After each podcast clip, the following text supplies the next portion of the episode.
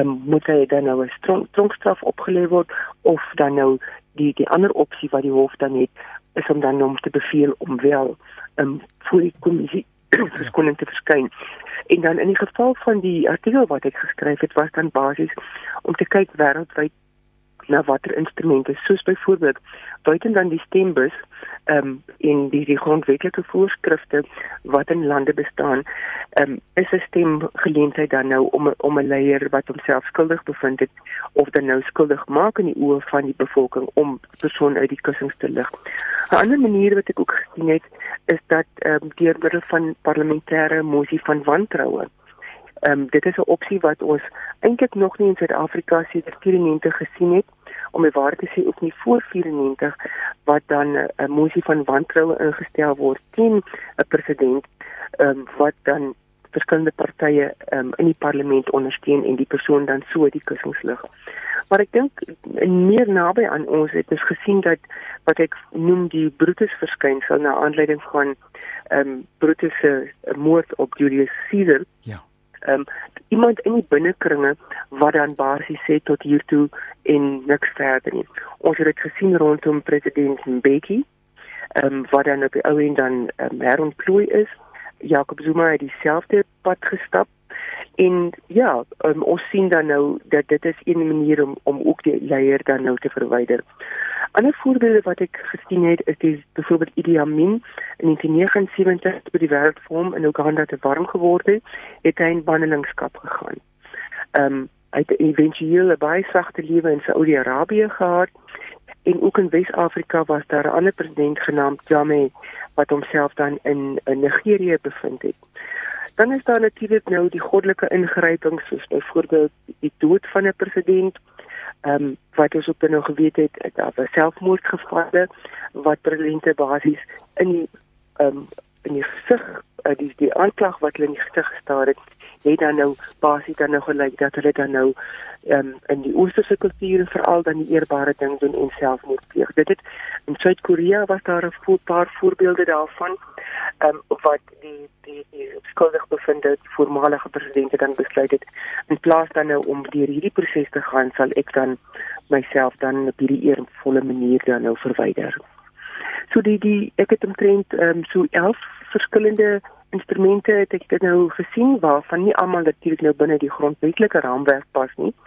Daar was ook dan nou gevalle van staatsgrepe wat gepleeg is om dan nou um, presidente uit te haal of dan nou die sogenaamde fluweelagtige staatsgreep wat, wat ek dan nou genoem het die tipe Brutus verskynsel wat die um, leiersparty dan nou basies besluit ons vervang hierdie leier omdat ons hom of dan nou skuldig bevind het en hy wil nie gepad nie of daar's genoeg bewyse in die binnekring dat hy nie meer werd is om die president te wees nie. Sjoe, uh, professor, ek het heelwat navorsing gedoen, kan ek sommer sien. Uh en ek het so baie geleer hierdie artikel te lees omdat hy verwys na leiers reg oor die wêreld en uh, uh, uh wat nou uh, letterlik eeue gelede gebeur het tot op die mees moderne tyd waarin ons lewe. Ons dink aan uh meneer Donald Trump in die onlangse verlede uh en wat in die FSA afspeel. Ons verwys doodgewoon en dood verwys doodgewoon maar na die realiteit wat ons tans in Suid-Afrika het van iemand wat uh die die gesag die reg uh, na die mening van sommige mense uitdaag en, uh, en en en maar die ideaal bly sekerlik nê nee, vir enige leier want ek bedoel 'n mens is 'n mens en en 'n mens oortree soms uh, en soms is jy skuldig en soms is jy onskuldig. Uh, en en en so die ideaal is dat 'n mens jou saak gaan stel uh, en uh, verneem wat is die krisis rondom jou leierskap en dan 'n kans het om jouself te verdedig. Uh, want dis ook nie ongewoon dat mense se onskuld bewys word nie. En dit moenie nodig wees dat mense hierdie ekstreme voorbeelde volg om uiteindelik 'n uh, uh, uh, dat 'n mens van hulle uh, kan ontslaa raak nie. Dit is 'n aaklige woord om ontslaa te raak van iemand. Dit is nie eens ons bedoeling hier nie. Maar maar ja. maar die ideaal is tog dat mense soos in 'n demokrasie uh het elke persoon 'n reg of jy nou Jan publiek is en of jy dan nou die staatspresident van 'n land is of gewese staatspresident om iewers gehoor te word en te sê en in die, in die geval van my Zuma het hy dikwels gesê ek ek vertrou dat ek gaan my dag hê waarin ek my saak kan ja. stel en vind 'n ou dit half ja. moeilik om te verstaan hoekom hy juis nou die proses sal weerstaan. Uh, mens wil tog graag hoor wat leef in sy hart. Ja natuurlik en en dit is die die die mooiheid van ons grondwet ehm um, soos wat professor Labeskag nie ook uitgewys het is dat ons grondwet bied die geleentheid vir elkeen om sy saak voor die regter gaan stel en dit is ook in elk geval 'n beginsel in terme van ons geloof is dat ons kan onsself ontmoedig wanneer ons dan 'n fout begaan het en dit is juist die behoud van die regstelsel ook is dat ons kan ons saak gaan stel nou goed dit is nie altyd maklik en lekker om te erken dat ons 'n fout begaan het nie. Maar dan is daar ook binne die regstelsel dan nou geleentheid om appel aan te teken en om byvoorbeeld dan ehm um, verder te gaan na die na die grondwetlike hof et cetera. So die ideaal is dat 'n mens dan nou jou saak gaan gaan verduidelik en soos wat jy inderdaad noem, is dat mense kan ook onskuldig bevind word. Dat jy is nie noodwendig skuldig nie. Nou goed, ons weet ook dat die reg is nie altyd reg nie ehm um, mense kry reggeleerdes wat baie vernuftig is om argumente te stel en te draai en te argumenteer.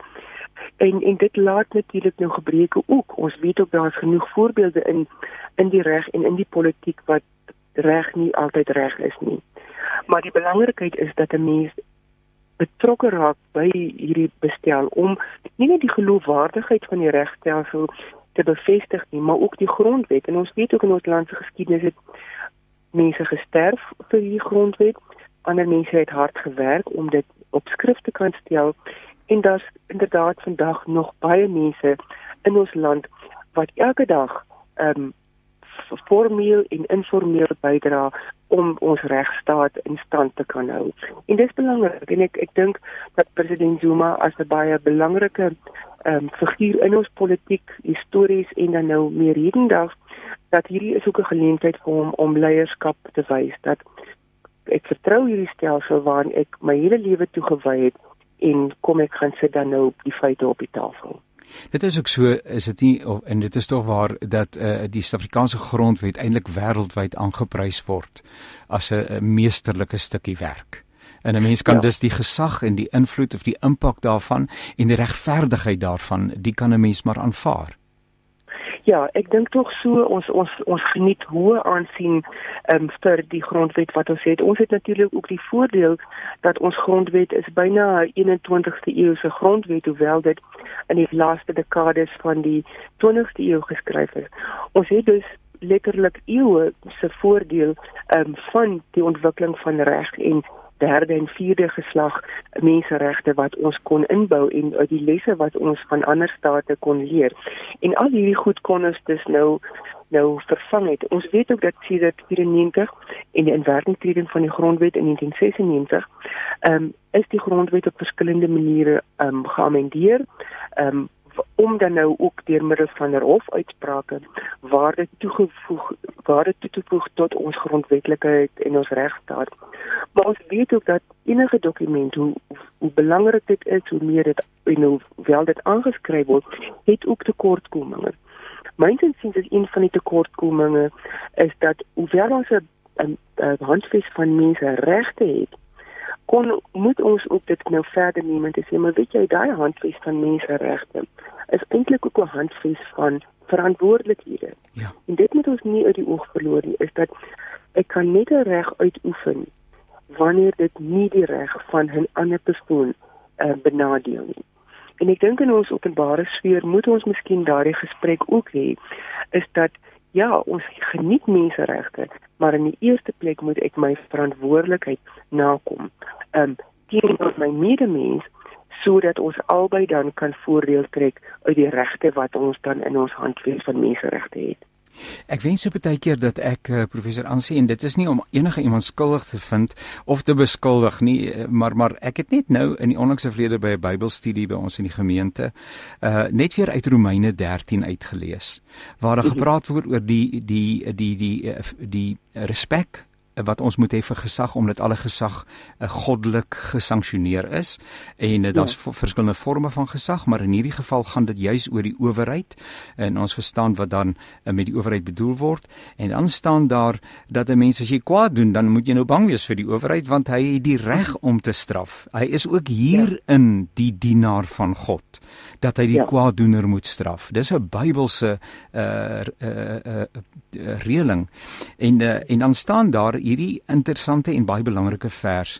Ehm um, en daar staan dit is ook waarom jy belasting betaal want die owerhede is en ek wens so en ons almal is iewers ook maar in 'n in 'n in 'n gesagsposisie, nê. Nee, so ons almal moet dit hoor, maar dan in besonder uh, waar ons nou vandag bietjie gesels oor die politieke uh, konteks in Suid-Afrika. Die owerhede is dienaars van God en hulle is besig om hulle opdrag uit te voer. Ja. Uh en en en ek so ek wens so baie keer dat mense net opnuut weer daarvan kennis neem ook wanneer ons met ons owerhede te doen het ongeag van wie hulle is en dat hulle selfs al gaan meet aan hierdie beginsel en sê maar is dit inderdaad so? Ek er, is is ek hier besig met iets waartoe God my geroep het? Dis 'n roeping. En nee ja, dis dis ja. dis nie vir selfverryking nie gewoor die woord gebruik die woord kleptokrate dis nie vir my eie verryking ja. in my eie sak nie. Ek het 'n verantwoordelikheid teenoor die mense wat my hier gestel het presies en in daai opsig is is Romeine en Paulus se briewe aan die Romeine vir my altyd so verfrissend om te lees. Hy hy slaan so na die Romeine in terme van nie slaan nie, ek bedoel hy slaan ja, ag ja. op hulle op hulle regs die belangrikheid wat hulle in terme van hulle regstelsel gehad het. Ja, ja. En hy benader dan nou soos wat jy weet, ehm um, die die argument in terme van die rasionele. Ehm um, en ons is natuurlik ook dan nou die erfgename van hierdie Romeins-Hollandse reg. En dit is altyd vir my ook die les om na Paulus te, te lees en te luister, is dat hy dan hierdie opdragte vir ons gee, maar ook dan ons herinner hieraan. En daar is eintlik die idee dat dat wanneer jy 'n uh, openbare amptenaar is, is jy in diens van die openbare sektor. Ehm um, elkeen van ons en dit behoort dan een van die hoër vorms van 'n samelewing se se se diens en se loopbane te kan wees omdat jy dan basies hierdie genealogie het van jy is 'n dienaar dan um, in 'n goddelike sin ook. Jy is ja, jy is in 'n sekulêre staat miskien, maar jy doen nog steeds werk namens 'n hoër gesag. En Goed, in 'n sekulêre sin is dit die grondwet, maar as gelowiges weet ons dat daar is selfs 'n grondwet bo die grondwet. Ja. En, en en dit is dan wat belangrik is. En jy moet eintlik nie saam sing as jy nie bedoel Nkosi Sikeleli Afrika nie, nê. En mm -hmm, en ook die manier waarop ja. ons staatspresident sy familie uh, besoeke afsluit is altyd maar God seën Suid-Afrika. Ja. En uh, as jy ja. nie jouself dan kan onderwerp nie, dan moet jy liewer nie saam sing nie. Ja, en weet jy, dit is ook vir my ek is bly jy raak daardie punt aan. Ons verstaan dikwels dat ons volkslied is 'n gebed. Ons is baie bevoorreg dat ons dit as 'n gebed kan sing. Party mense sê ja, goed, dit is 'n politieke lied. Dit kan dalk so ook wees, maar as jy in jou hart is, hart is die woorde sing, dan is daar 'n ander kant van die lied ook. Ja. En ek moet vir president Ramaphosa ook dan nou uitsonder van ons ehm um, vorige presidente is dat hy in die openbaar werklik melding maak van hierdie steen wat hy wat hy dan op um, op God op beroep om op ons uit te spreek. Dit is vir my 'n eerste en ek dink kom ons gee hom die voorbeeld van die twyfel en ons maak dit dan deel van ons omgang met die openbare sektor, met elke staatsamptenaar wat ook miskien net vandag opgestaan het met moeilike omstandighede by die huis in 'n pandemie om sin te maak in 'n wêreld wat ook maar uitdagings bied aan hierdie persoon. En dit is ook dan elkeen van ons se verantwoordelikheid om ook ons staatsamptenare in gebed op te dra. Baie baie dankie dat ons so saam kon kuier en vir die perspektief wat u bring. En 'n uh, baie geseënde dag vir u. Mag dit met u sommer baie baie goed gaan baie dankie Janie ook lekker dag en gesiende dag vir jou. Seënwense baie baie dankie. Baie ja, dankie. jy luister die programme van Radio Kansel hier program se naam is Perspektief. Ons probeer so lekker naby aan die hartklop kom van dit wat in Suid-Afrika gebeur. Vir my kontroleer se onthou ek en ek net vinnig vir 'n reëling gee uh, want ons is deur 'n glasgordyn geskei. Brother, Professor Renata said that they've got load shedding and you can can you please contact her on WhatsApp. Have you tried that? We need to make a WhatsApp call because uh, that ever present load shedding is a reality also also for Professor Renata, and uh, let's just see whether we can do that. Um, our WhatsApp is. Okay, that is a bit of a challenge, uh, brother. Um, will you see what you can do? Uh, because, um, yeah, so Professor Renata, if you're listening, then uh, we seem to have a problem with our WhatsApp um, connection at the moment. We're going to try our very best, and I do apologize for this. Uh, but uh, uh, in any event. So load shedding really is a problem and it really is a challenge. And we hope that uh, in the near future, even though we read in the papers, it's probably going to be a reality for some time to come. Also believe that there is some uh, issues regarding um, yeah the leadership in uh, Eskom. So we are praying. We need to pray for South Africa. We need to pray for all the different departments and the responsibility that they have. And uh, so uh, we we need to just. Uh, trust God that and we know that God is in control and that he will undertake for us. Professor Renata, is he daar?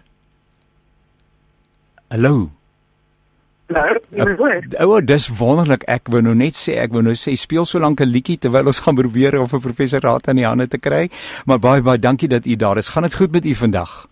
Goed en self. Baie dankie. En ons deel maar met die werklikheid van load shedding, nie waar nie? Ja, nee, ons het load shedding, so ek is bly julle kon deurkom en die self van die netwerk is af, so ek het eintlik gedink julle ja. gaan my op WhatsApp in hande moet kry. ons is baie baie dankie. Professor Renata Skuman is a psychiatrist and she's a senior lecturer if I'm right and correct uh, uh, Professor Renata in leadership at the University of Stellenbosch. Is that still the case? Yes. Well, wonderful. Absolutely. And thank you so much. It's the first time that you uh, take part in this program, and I really uh, thank you. And I hope that in future we'll be able to uh, just spend some time together again. I wanted to speak to you about um, uh, the reality of COVID. That is a, a, physical illness. It is something that attacks people and the immunity. And we know uh, probably about 52,000 people in South Africa have died. Many, many people have been affected worldwide. We know that great numbers of people have paid with their life. And then there's all the other things that are happening and that have been part and parcel of the experience. Businesses that closed and people that uh, suffer poverty and there's no food to eat, etc., etc. So there's another thing that I would like to talk to you about today, and that is the emotional impact that something like COVID uh, has and has had and will still probably have on the the the people of South Africa. Um, can you help us a little bit in this regard? Uh, what are the typical questions people are struggling with? Why are people struggling? It's not only physical, but where does the emotional turmoil come from? It's an increased load and stress that COVID brought. We have suddenly a lot of anxiety about health, the health of our loved ones, the isolation one is better, but especially in the initial stage of level five and level four, especially if you have elderly, but also if you have children to take care of. Like go to school, suddenly you need to multitask, be the parent, work at home, and suddenly teacher. And not all of us are equipped to do that. So there was a bunch of new stresses, and then also the uncertainty. Uncertainty in terms of finances, uncertainty in terms of how long the pandemic and the lockdown is last. Will we be retrenched? And Uncertainty is one of the most difficult human emotions to deal with. Now, it results in a lot of anxiety and it can also result in depression. But what we have, in fact, seen is an increased rate of anxiety and depression in South Africa, but also in the rest of the world. Not only in people that was previously diagnosed with conditions like anxiety and depression, but also de novo or new diagnoses. And the population group that specifically is also affected is the young adults, those school, new students, and also those that just have qualified and they were supposed to embark now on a career because everything is up in the air. Everything has been halted.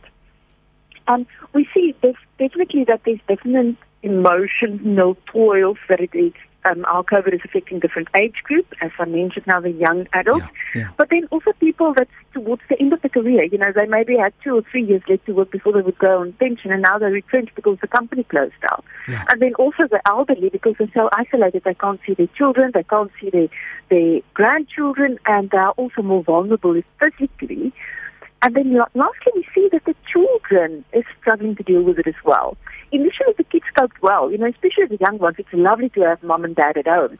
But our teenagers, they take strain. They don't have the normal teenage experiences, bring milestones, matric farewells, or even just having normal dating life and socialization and parties for them is something of the past.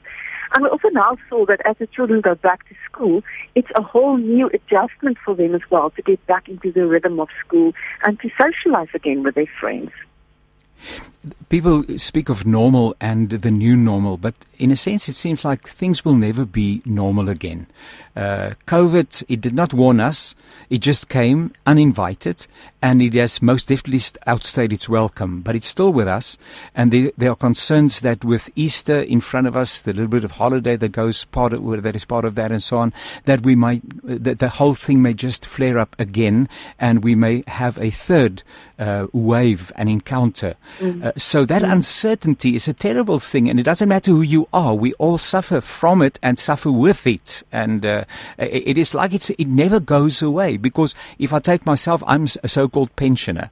So uh, within the time frame that I find myself 60 plus, it means that we are extremely vulnerable. I just read in the papers this last week, uh, the, uh, the, the mortality rate is 15% higher in 60 pluses mm. than it is with people that are younger. So that is a reality I have to deal with on a daily basis. And moment by moment, I have to be prepared and wear my mask and wash my hands. And it's like you never come to a point where you just relax and just be. No, absolutely. And I think what what you said is very true. I don't believe that this is the new normal. This is our new reality. Okay, that's a good word. Yes. Become, yeah. yeah. some things will become normal. It's almost like normal to wash your hands now more and wear a mask. That's not something strange anymore. Yeah. Um, but but it, this is our new reality that we have to deal with. And yes, a third wave might be coming. But what I try to remind people about is this is not the first time we have to deal with difficult circumstances. We've had this in the past, yes. Now, but this is exceptional. I'm sorry. I, so think, no, for sure. But we have stresses every single year. You know, if you think you might have lost someone to death, you might have a new child, you might have changed your job. And then in 2020 we had COVID, and yes, it is lasting longer than other stresses, which make it different. All in all, we have been changed. We have been challenged with stresses before, and for sure after COVID we will face other stresses. So I, I really want to remind people also to think in terms of your long-term mental health, and not to only focus on mental health during COVID. Are you saying that we need to uh, get our minds right to start with? Uh, as you said rightly, this is not the first crisis that we've encountered in South Africa. It is unusual and it has been going for quite some time now, but stress is part of life. This reality mm. is not, is not uh, without challenges. We are facing challenges mm. on every day. And and just we, to we ask, call that resilience. You know, to be resilient. We yeah. can't escape stress in our life, but we do have a choice in terms of how we weather the stress, how resilient we are. And part of that is a positive mind frame. Part of it is like um, living from gratitude. And then also take care of yourself, your self care in terms of any stress is in the end what helps you to deal with it. What resources do we have that we don't recognize as human beings? If I just think about myself and say, and somebody says, uh, make an appeal uh, on the resources that you have as a human being. Where do I go with okay. that? What do I find within yeah, myself? I think the, the first thing is we really focus, as I said, firstly your mindset. Yeah. But then there's practical things that we can do to build our resilience. That resources that you just have to schedule time to do it. That is sleeping enough, exercising regularly, having a healthy diet, keeping your brain stimulated, tapping into your support systems and socializing, even if it's via technology and maybe not in person socializing now because we need to distance. Um, and then finally also spirituality. Um, it is shown that if you're spiritual, whether you practice organized religion or mindfulness or meditation, that you outlive other people, that you're healthier and then you're happier. And so, so there's resources that you have in yourself, resources that you have, I want to say, with a bigger power together with you, and then also the social resources that we have. But then finally, there's also professional help available. If you take space, do reach out to mental health care professionals, whether it's psychologists or psychiatrists, or even just your GP or a helpline. For example, the South African Depression and Anxiety Support Group's helpline that you can phone to reach professional support. Somebody said, I think there's a song that says, if God closes a door, look for a window. Um, and, and I think that COVID has, um, has confronted us with a wonderful opportunity to find alternatives. To the way that we've been doing things. If I just think about online shopping, which has just mm. exploded. Mm. Now that reality did not come to, to, where it is at the moment if it wasn't for COVID. So there, there, are also fruit. There are also blessings, even though it's difficult to speak of blessings, but, but there are some gifts that COVID has offered us and is still offering us as human beings to say, okay, I'm not at the end of the road. What are the alternatives? How can I get along in spite of? And even if we think Zoom meetings. We all feel a bit zoomed out, but it's also brought, for example, yeah. mental health services to people that's living more remote. Yeah. You know, whether you're in Katu or Pitsonderwater, suddenly you are within contact, you know, within reach of a psychiatrist, for example, because we are allowed now to do video consultations. So that is a positive. The other thing is also it helped people to slow down a bit you know, we stop just doing, doing, doing, but we're actually reconnecting with people again. And we're spending more time in our homes with our families. No, and and I think that is a huge privilege that COVID also brought. I became a mum last year, and it's for me a privilege now, despite the difficulties and the financial impact that it also has on my practice. Have, and, and we don't see patients physically at the practice about 50% you know, capacity because of the lockdown regulations. But now I can Zoom from home, which means I'm nearer to my little one. You know, so there's always blessings. It's just a matter of how we frame it and how we look for it. And I've not been singled out. I'm part of a, a worldwide audience, uh, in a sense. We are all facing mm. the same giant. Uh, there is victory, but I mean, we are all confronted with the same reality. Yes because sometimes I feel that I'm the victim, you know, why me, Lord? What is, you know, that song that says, why me, Lord? What have I done? Well, that's a, that's yeah. a song that's thankful and that has gratitude in it. Yeah. But, but, but, I mean, it, we, we are in this together and by God's grace, ultimately we will also uh, grow beyond this uh, eventually. Yeah, for sure. No, we will emerge and it's part of becoming stronger as well. Are we ready with this? But also for me, a big thing is about, um, I think, on, um, what's the word now that I'm looking for? You know, us banding together as yeah. human people. You know, supporting each other in new ways, standing together, like we did, for example, with Day Zero with water. How parts of the community help other parts of the community, and we all almost saw it now, yes. where some parts of the community supplied masks to other or sanitizers. You know, people banding together and supporting each other, and I think there's a lot of goodwill that we also see in this time. Just in closing, one line: we have a tremendous responsibility towards our children, not so. And what is it that? Ch- what is the message that parents uh, should should have with their and, and the kind of conversation and dialogue that parents should have with their children, uh, who must be scared? It's a scary world if you're a child.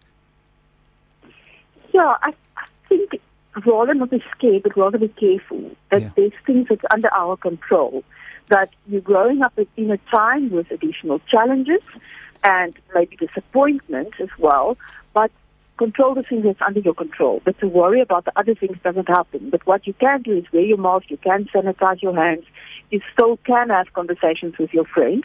But yes, there is things that you lose out, but also doesn't matter what challenges comes over across our road, it's always temporary. This too shall pass. ek wou daai sinnetjie nou gesê het en toe sê hom voor my en ek dink aan die lied wat sê tel jou seëninge een vir een nê en so daar ja. is baie om vandag voor te lewe. Uh ons is dankbaar uh, vir die genade en ons lewe so kom ons deel die lewe in sy vreugde voluit terwyl ons die geleentheid het. Professor Renata baie dankie. Was lekker om jou te gesels. Seënwense in die praktyk en uh, ek vertrou dat ons in die toekoms weer met mekaar kan skouers skuur. Groot Dankie aan julle. Totsiens. Nou ja, so het ons deelnemers vandag gesels professor Pieter Labeskagni en uh, hy het 'n bietjie gepraat oor die uitdagings wat ons het uh, wanneer twee strydende faksies as dit waar mekaar 'n uh, beet het en uh, in die grondwet in die middel uh, met ander woorde rigting moet aandui. Uh, Johan, uh, professor Johansi van Wyk ook van politieke wetenskappe Unisa het ewenigs gesels oor die belang van die grondwet, uh, gesê dat wêreldwyd daar leiers is wat sukkel. Uh, dit is 'n realiteit en dat daar verskillende maniere is waarop hierdie sake aangespreek word. Ons het die begeerte uitgespreek dat die reg sy loop sal neem in Suid-Afrika en dat mense geleentheid sal hê om jou onskuld te bewys. Dit is die minste wat ons kan doen. En dan professor Renata Skuman wat gesels het oor die emosionele bagasie wat ons soms met ons saamdra veral na aanleiding van 'n moeilike tyd soos die wat ons pas hanteer het. Baie baie dankie vir die saamkuier. Die Here seën jou hoor. Gaan kyk bietjie op Radio Kansel www.radiokansel.co.za vir ons uh, wat noem mense daai ding 'n podcast nê, nee, 'n pot gooi oor hierdie program as jy weer wil luister. Tot 'n volgende keer. Alles wat mooi is. The world is facing a time of great uncertainty. The COVID-19 virus has impacted every person in some way or another. Are you afraid? Are you unsure about the future? Are you alone during this time? Radio Pulpit is your daily companion